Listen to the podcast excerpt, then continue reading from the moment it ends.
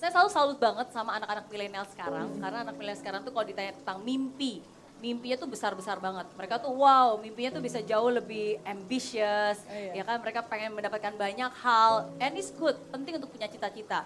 Tapi kadang-kadang saya selalu bilang, eh, sayangnya mereka bukan hanya punya mimpi yang besar, tapi mereka juga punya ego yang besar.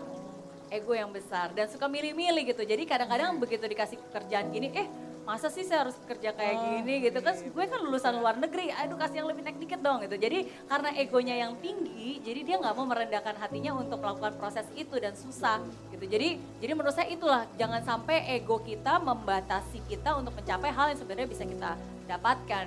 Nah jadi kalau buat saya pribadi kan saya juga punya dua anak gitu kan. bener. Jadi saya selalu eh, pengen membuat mereka selalu punya kerendahan hati untuk selalu mau menghargai proses, uh, menghargai orang lain gitu, menghargai bahwa bagaimanapun juga mau uh, kamu terlahir dari keluarga seperti apa gitu kan, kamu punya apa itu nggak akan nggak akan nggak akan penting gitu. Yang penting adalah ya kamu karakternya seperti apa gitu. Apakah kamu mau susah-susah ya kan? Um, apakah kamu mau berproses? Hal yang paling simple deh, misalnya kayak contohnya kayak buat anak-anak ya, kan anak-anak kayak anak SD gitu kan masih nggak tahu tentang pekerjaan belum tahu. Tapi dari paling simpel dari tanggung jawab media. Tanggung jawab anak-anak itu pelajar kan belajar apalagi mau ada ujian. Kan kalau kita mau instan gampang dong.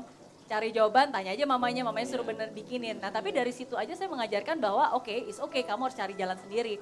Uh, walaupun jawabannya salah dan walaupun saya tahu ini pasti nanti disalahin sama gurunya but it's okay. Daripada saya ngasih tahu jawaban yang benar dan saya bikinin, dia nggak akan tahu dan dia akan terbiasa. Tapi begitu dia tahu ini salah, dicoret tanda merah dan ini salah, baru dia akan, uh, kok salah? Kenapa salahnya? Dan dia akan cari tahu. Jadi dari hal yang simpel seperti itu, uh, saya paling penting saya mengajarkan bahwa it's okay to make mistake. Ya, kadang sebagai orang tua kita nggak pengen anak kita berbuat kesalahan, tapi justru dari kesalahan itulah kan mereka jadi belajar. Itu kesempatan untuk saya orang tua untuk bisa cerita gitu. Jadi em, jadi itu sih. Tapi ya setiap zaman pasti ada tantangannya.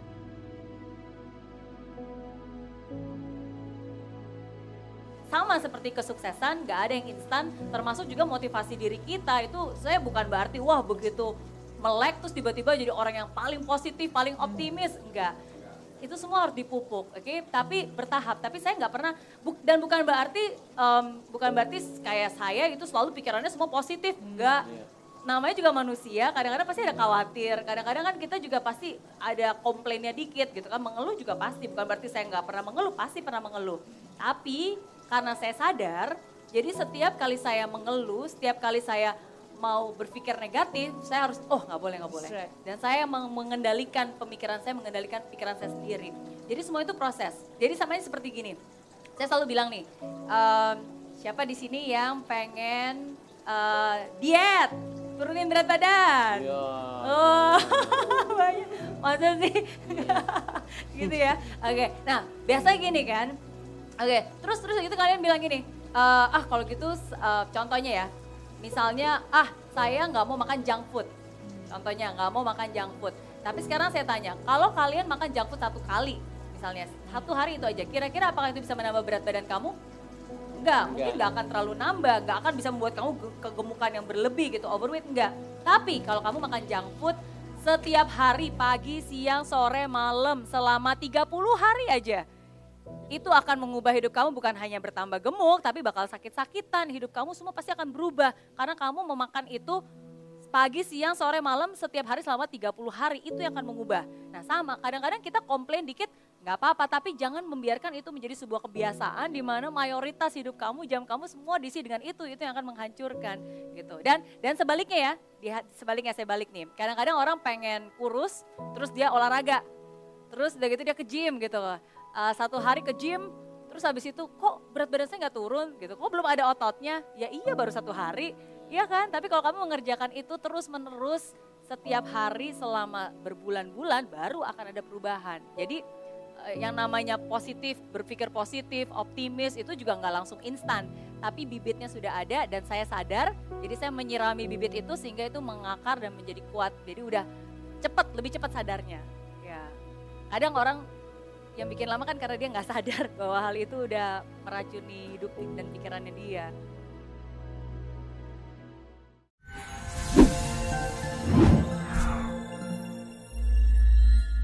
Aplikasi Mary Riana tersedia lengkap video-video YouTube terbaru saya, artikel yang up to date, post inspirasi, koleksi merchandise, workshop dan seminar yang bisa kamu dapatkan free dan download sekarang juga gratis.